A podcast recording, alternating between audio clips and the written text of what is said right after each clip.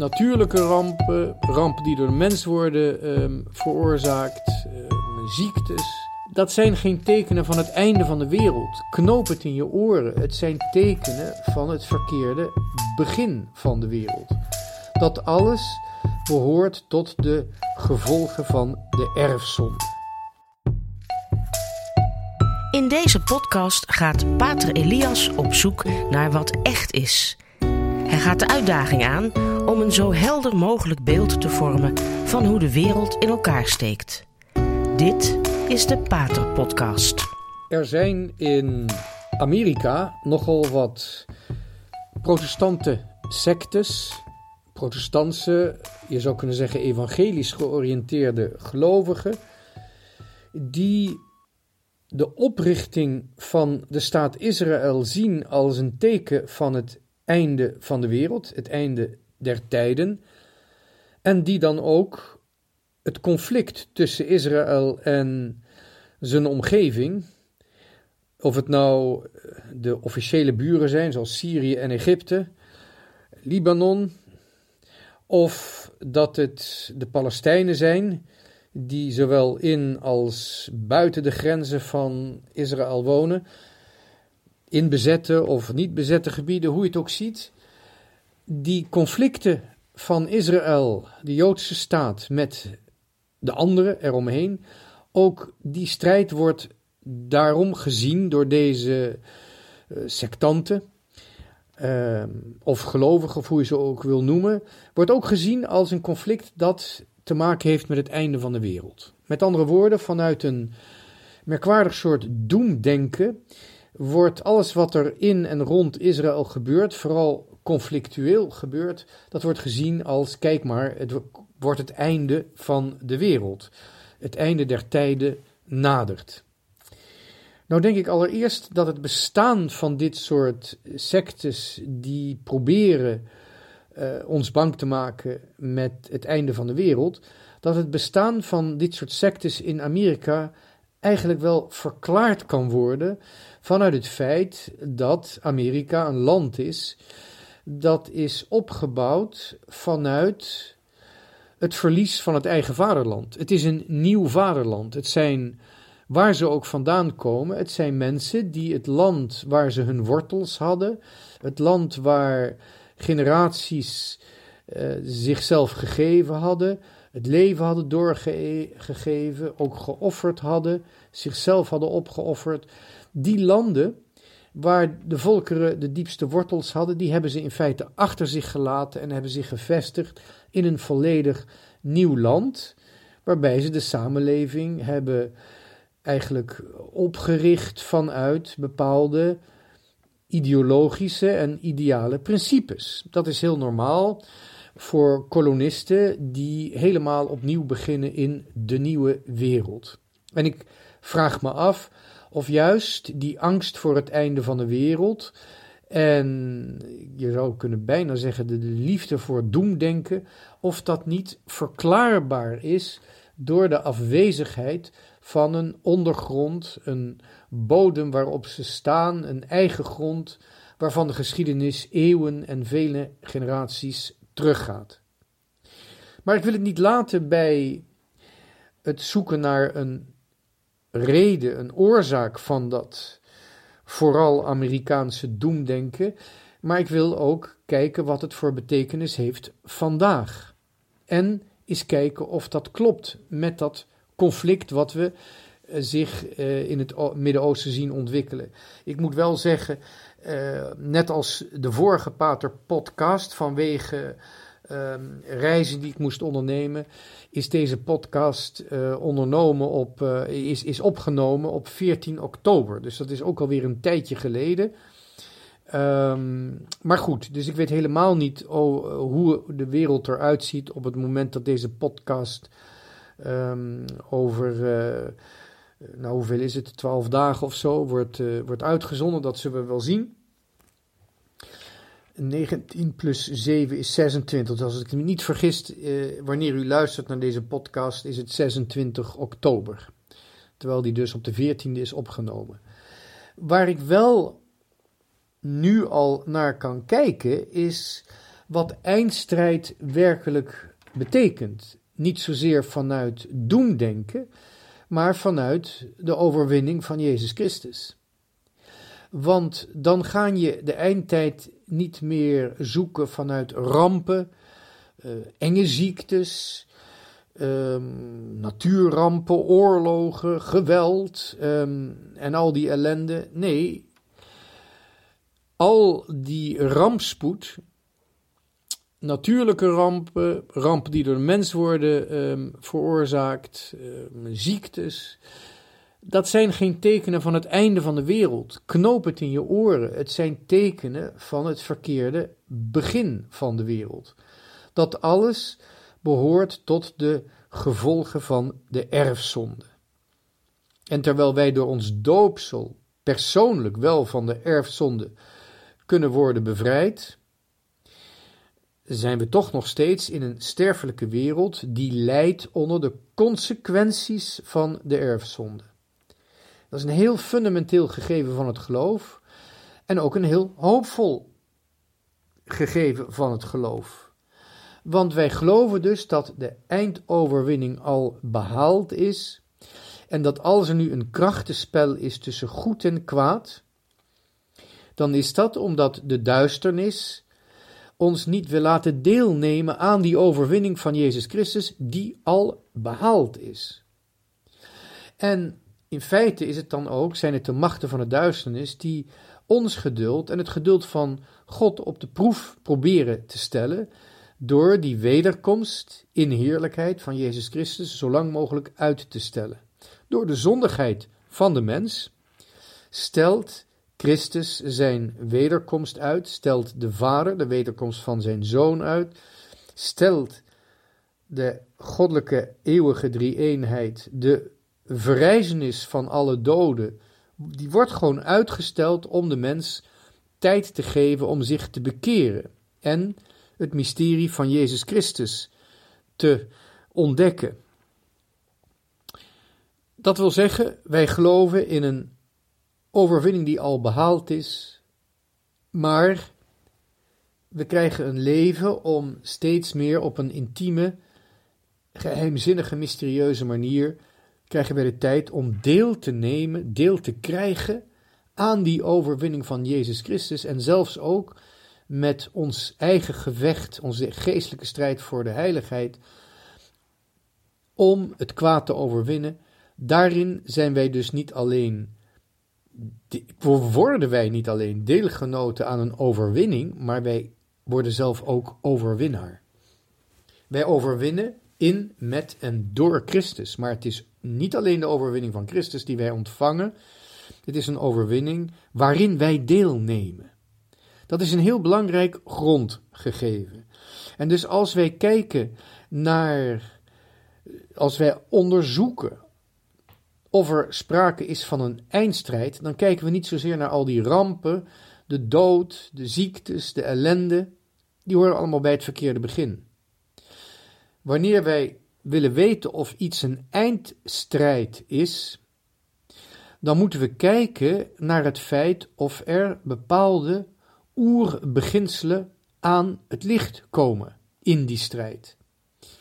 Zien wij bij de strijdende partijen hele fundamentele gegevens die zich uiten in de cultuur, de manier van samenleving, ook de mindset de, de ideeënwereld waar culturen van leven, die zijn ook heel belangrijk, zien we daar hele principiële verschillen tussen.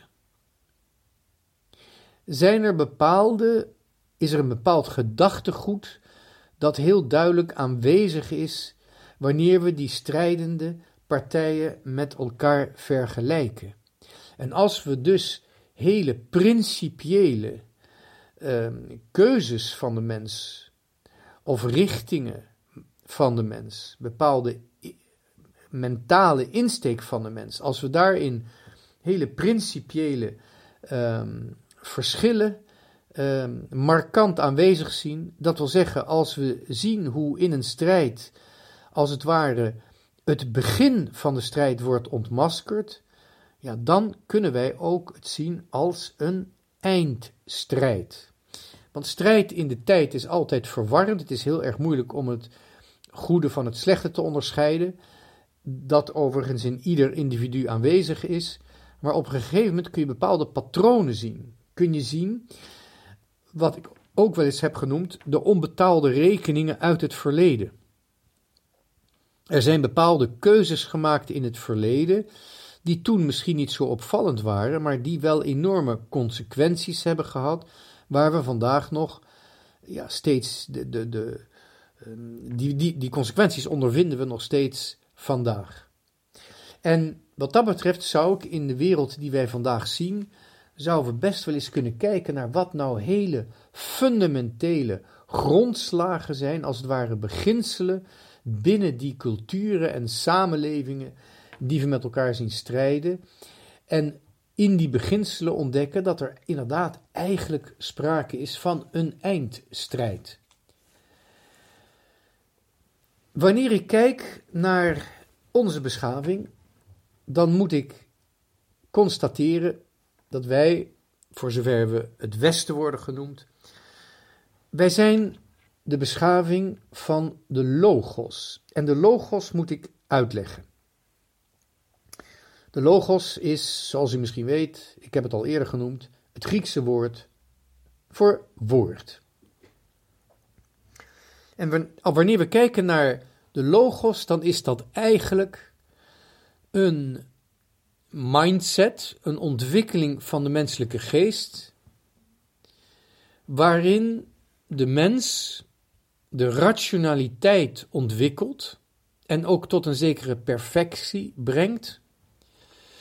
Maar wanneer je kijkt in die rationele wereld van de mens, in zijn rationele denken, in zijn logische denken, dan zie je dat daar binnen die logos, die wereld van het nadenken en ook het spreken, het kennen van woorden, maar ook het gebruiken van woorden, en daarop je samenleving baseren, dan zie je dat er binnen die logos, die woordenwereld, de gedachte, de verzonnen en de gebruikte woorden, dat daar principes voorkomen. Er zijn altijd uitgangspunten. In de logos zijn principes.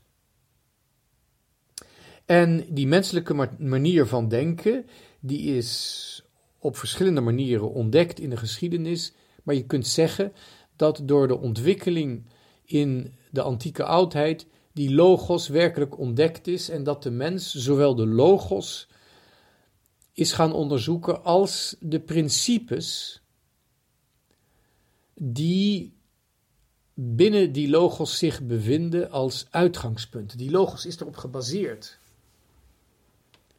Er zijn bepaalde uitgangspunten die nodig zijn om binnen die rationaliteit tot conclusies te komen. Het is een kwestie van logisch, logisch denken.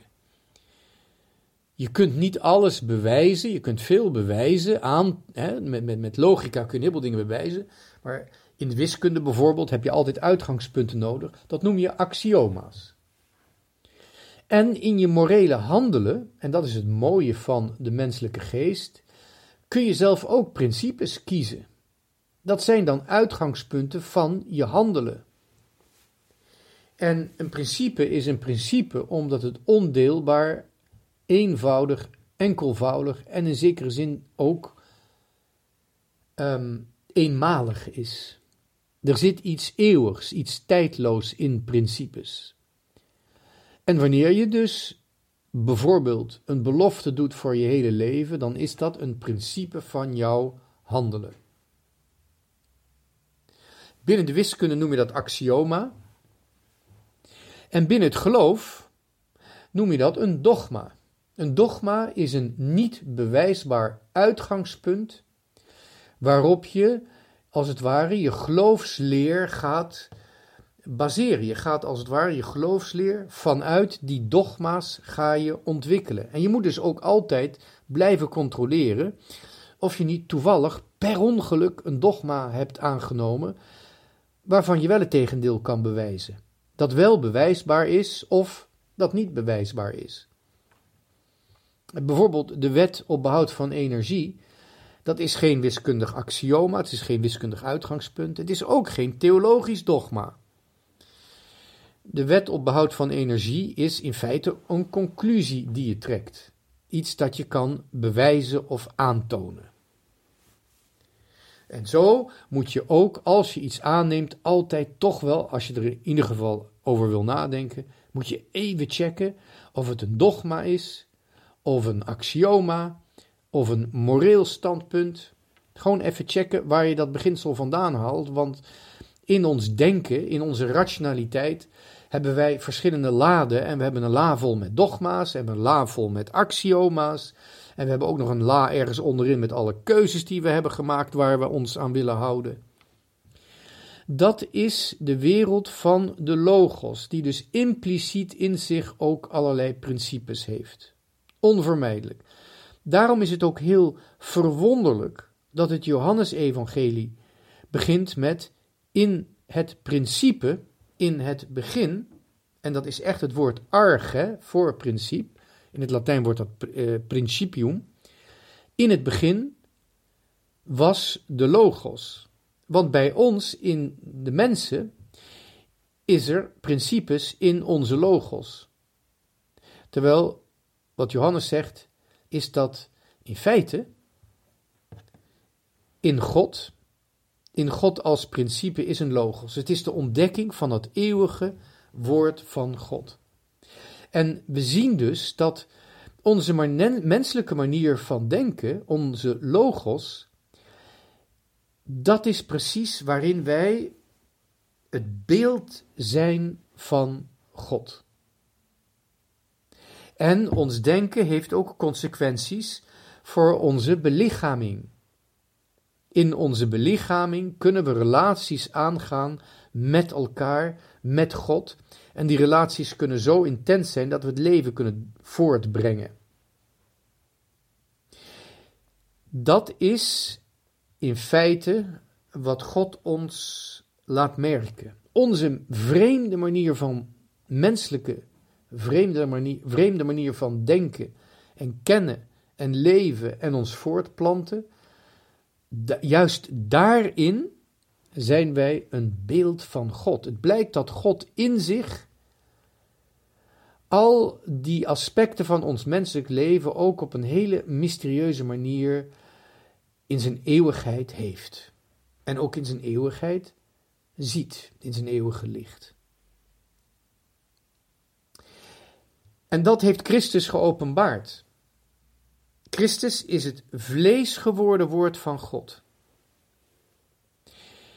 En wanneer je ziet, als je kijkt naar onze eigen beschaving, de westelijke beschaving, en je ziet wat onze bronnen zijn, en je vergeet even, hoe moeilijk dat ook is, je vergeet even wat onze decadentie is van dit moment, door het verlies van de logos, wanneer je even kijkt naar de bronnen van onze beschaving, dan zie je daar de Logos.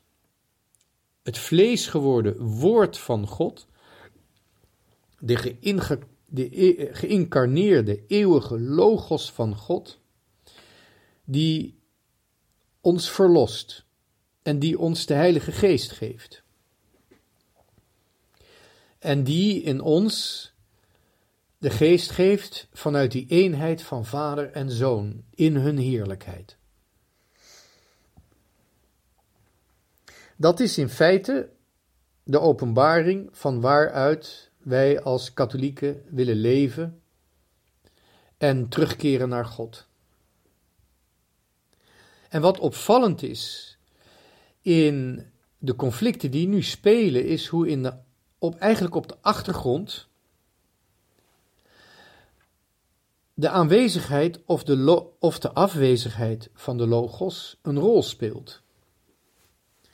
En nogmaals, het gaat om bepaalde culturele patronen, of je zou kunnen zeggen een mindset, die, die in de geschiedenis bepaalde culturen heeft bepaald. De manier waarop naar God ook de religie wordt beoefend wordt, vorm krijgt, die is ook erg bepaald door de houding tegenover de logos. Wat voor religie zien we in die culturen? Wat, op welke manier heeft de logos in die culturen, of de afwezigheid daarvan, de religie beïnvloed? Die vraag kunnen we stellen en ik kan niets anders doen dan constateren dat dat op een hele uh, fundamentele manier, een hele primaire manier, op de achtergrond van de huidige conflicten aanwezig is. Wanneer ik kijk naar onze beschaving, en ik kijk iets verder dan de, de, de decadentie die we zien, want dat is, een, dat is, een ander, dat is ook een probleem. Hè? Er, is een, er wordt erg voor vrede gebeden, erg fanatiek wordt er voor vrede gebeden, en dat is fantastisch. Maar ik denk af en toe dat we misschien iets meer moeten bidden voor wat er bij ons dichtbij fout zit.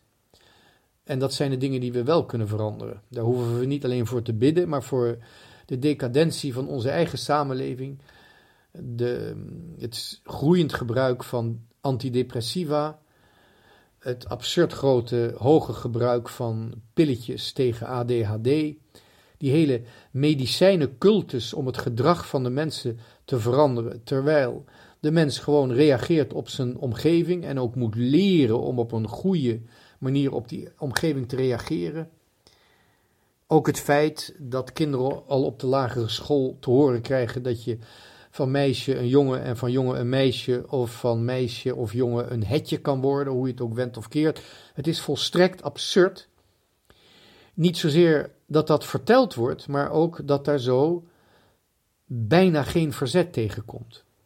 Laten we al die decadentie en die perversiteit en die eenzaamheid die eruit voortkomt,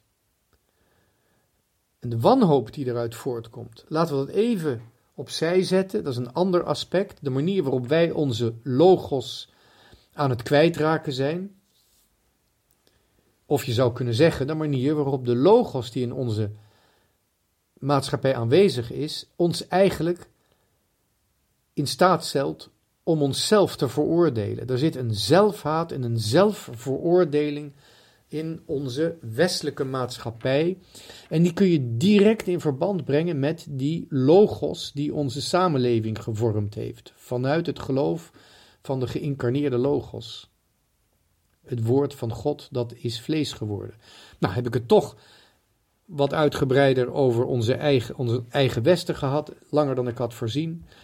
Maar we gaan even door naar die conflicten die we zien, waar we natuurlijk ook voor moeten uh, bidden, hoewel we er weinig aan kunnen doen, behalve dan alleen bidden. Wanneer je kijkt naar wat er in Moskou gebeurt en wat voor bron, waarvan Moskou de bron is, dan zie je een, een christenheid die al heel vroeg eigenlijk, op het moment dat Rome en Constantinopel moeite deden om toenadering tot elkaar te zoeken.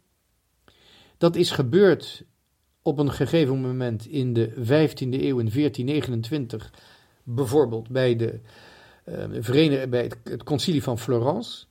Dat vanaf dat moment Moskou altijd eigenlijk een hele vreemde vorm van christendom is geweest. En uiteindelijk ook voor enige tijd een eigen patriarch heeft gehad, dat dat Christendom wordt gekenmerkt door een fanatieke afwijzing van het filioque, oftewel de afwijzing van het feit dat vader en zoon één zijn in het ademen van de Heilige Geest, terwijl ze wel de persoon van Jezus Christus zelf hebben geaccepteerd. Er is iets merkwaardigs dat er wel een devotie is tot de persoon van Jezus Christus en de Heilige Geest en de Hemelse Vader en de engelen in die Russische kerk. Maar er is een bijna pathologische afwijzing van het filioque. En het filioque is nou precies in ons, heeft het zijn beeld en zijn gelijkenis in de persoonlijke verantwoording die wij mogen dragen voor onze daden. Tegenover medemens en tegenover God hebben wij als westeling, die, voor wie de logos vlees geworden woord van God, een uitgangspunt is en daarmee nauw samenhangend het filioque, voor ons is die verantwoording tegenover God vanzelfsprekend. Terwijl dat vanuit Moskou altijd is onderdrukt. Er is geen filioque en er is dan ook geen enkel oog voor een eigen persoonlijke verantwoordelijkheid in de geloofsgroei. De wijzen, of de staretsen in de Russische orthodoxie, die vertellen de mensen wat ze moeten doen. Het is veel meer dan adviezen. Ze hebben een bepaald charisme om commando's te geven aan de mensen die ze moeten verantwoorden, want, uh, moeten uh, beantwoorden, moeten doen, omdat ze direct van God komen. Dat is een hele merkwaardige spiritualiteit en wij vinden het natuurlijk prachtig, want ze hebben baarden, ze hebben iconen, ze zingen heel mooi. Maar het vervelende is dat die afwezigheid van eigen verantwoordelijkheid en de afwezigheid van logos, die uit zich nu in de Russische cultuur door een gebrek aan logistiek en een gebrek aan vertrouwen van de autoriteiten in hun eigen volk. En vandaar dat dat volk ook nog steeds in de gaten moet worden gehouden door een almachtige geheime politie, die het alleen recht heeft op rationaliteit. Het is de FSB, de geheime dienst, je mag ze ook Lubjanka noemen of Tjeka. Die hebben in het land nog steeds het alleenrecht op het rationele denken en kunnen ook aan sommige mensen, voor wie het nuttig is, die kunnen ze een, een, zekere mate van rationaliteit en vrij, vrije logica kunnen ze toekennen. Wanneer we kijken in het Midden-Oosten, dan zien we in feite een veel extremere situatie, omdat in de islam niet alleen de persoon van Jezus Christus, de Zoon van God, wordt afgewezen, maar ook nog eens de Logos. Er is heel kort geprobeerd om een zekere rationaliteit in het islamitische denken te brengen, te brengen, maar dat heeft niet lang geduurd, maximaal twee eeuwen. En dat is, daarna is dat onderdrukt. Sindsdien is islam vooral een religie met voorschriften waarvan de wereldlijke macht bepaalt in hoeverre ze betekenis hebben, wat de betekenis is en hoe ze in praktijk moeten worden gebracht en uiteraard wie er mag straffen. Met welke straffen? Wat de praktische toepassing is van die wet. En daarbij speelt de rationaliteit nauwelijks een rol, behalve in Iran. Dat is een beetje een uitzondering. En in zekere zin ook behalve in Turkije, omdat Turkije is erg beïnvloed geweest door de Byzantijnen, door het Griekse Rijk. Daar hebben ze in zekere zin een hoop rationaliteit van overgenomen.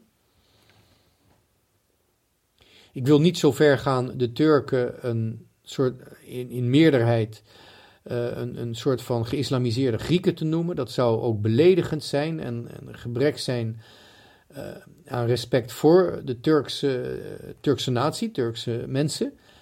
Maar de Grieken hebben wel een zeer belangrijke invloed uitgeoefend op de rationaliteit waarmee de, Turkse autoriteiten hun macht hebben uitgeoefend en dat nog steeds doen. Terwijl Iran heeft een rationele basis ook vanuit de um, antieke oudheid meegekregen.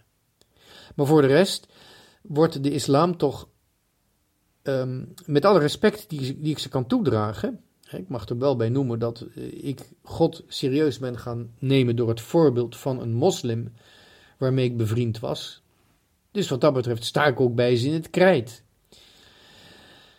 Maar het is wel tragisch zoals rationaliteit eigenlijk en, en in feite de logos bij de islam afwezig is. Er is geen eeuwig woord in God, maar er is wel een, een boek eeuwig in God in zekere zin.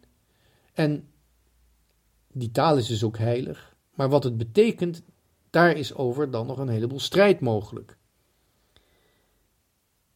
En daarin zie je ook die confrontatie met Israël. Want Israël is een land dat vanuit het westen is gesticht door Joden die wel die westerse rationaliteit tot hun culturele erfgoed hebben toegelaten. Ten eerste hadden de Joden natuurlijk al een zoeken naar wijsheid. En ze hadden ook een wet die rationeel in elkaar zat. Dat hebben ze meegekregen vanuit hun oorsprong. Maar ook vanaf het moment dat de Joden Christus niet hebben gekozen of afgewezen of niet hebben gekend. De Joden in het Westen hebben natuurlijk wel een enorme interactie gehad met dat christelijke Westen. Ze hebben er gewoond. En hoe hoeveel problemen er ook zijn geweest in de geschiedenis voor de Joden, ze hebben wel die rationaliteit overgenomen. Ze hebben daarmee uitgewisseld. Ze hebben er ook uiteraard toe bijgedragen. De bijdrage van Joden aan de westerse cultuur, die is, is duidelijk aan te tonen en die is ook onschatbaar. Er is een wisselwerking geweest tussen het christendom en het heidendom, tussen alle, uh, sorry, tussen het christendom, het jodendom en het westelijke heidendom. Daar is veel interactie geweest. En zo wonen die, uh, de Joden in, in de staat Israël, met of zonder geloof, wonen zij nu toch als mede-erfgenamen van de Logos, zonder de persoon van Christus misschien, maar ze wonen wel als mede-erfgenamen van de Logos, van de rationaliteit die uitgaat van principes, wonen ze in, in een omgeving waar de rationaliteit en de principes bijna geen rollen hebben gespeeld, zeker niet sinds het wegvallen van de Turkse machtsstructuur. En in zoverre omdat zulke principiële zaken aanwezig zijn, ook in de conflicten, of misschien juist in de conflicten die we nu zien, kun je zeggen, inderdaad, het gaat zo om beginselen die zichtbaar worden, dat je kunt spreken van een eindstrijd. En wat er na die eindstrijd gaat komen, dat kan niemand voorzien. Maar we kunnen altijd de toekomst toevertrouwen aan degene waarin wij geloven. Het woord van God, dat is vlees geworden. En dat iedere mens oproept om verantwoordelijk te zijn in het leven in deze wereld en uiteindelijk verantwoording af te dragen tegenover God en de medemens.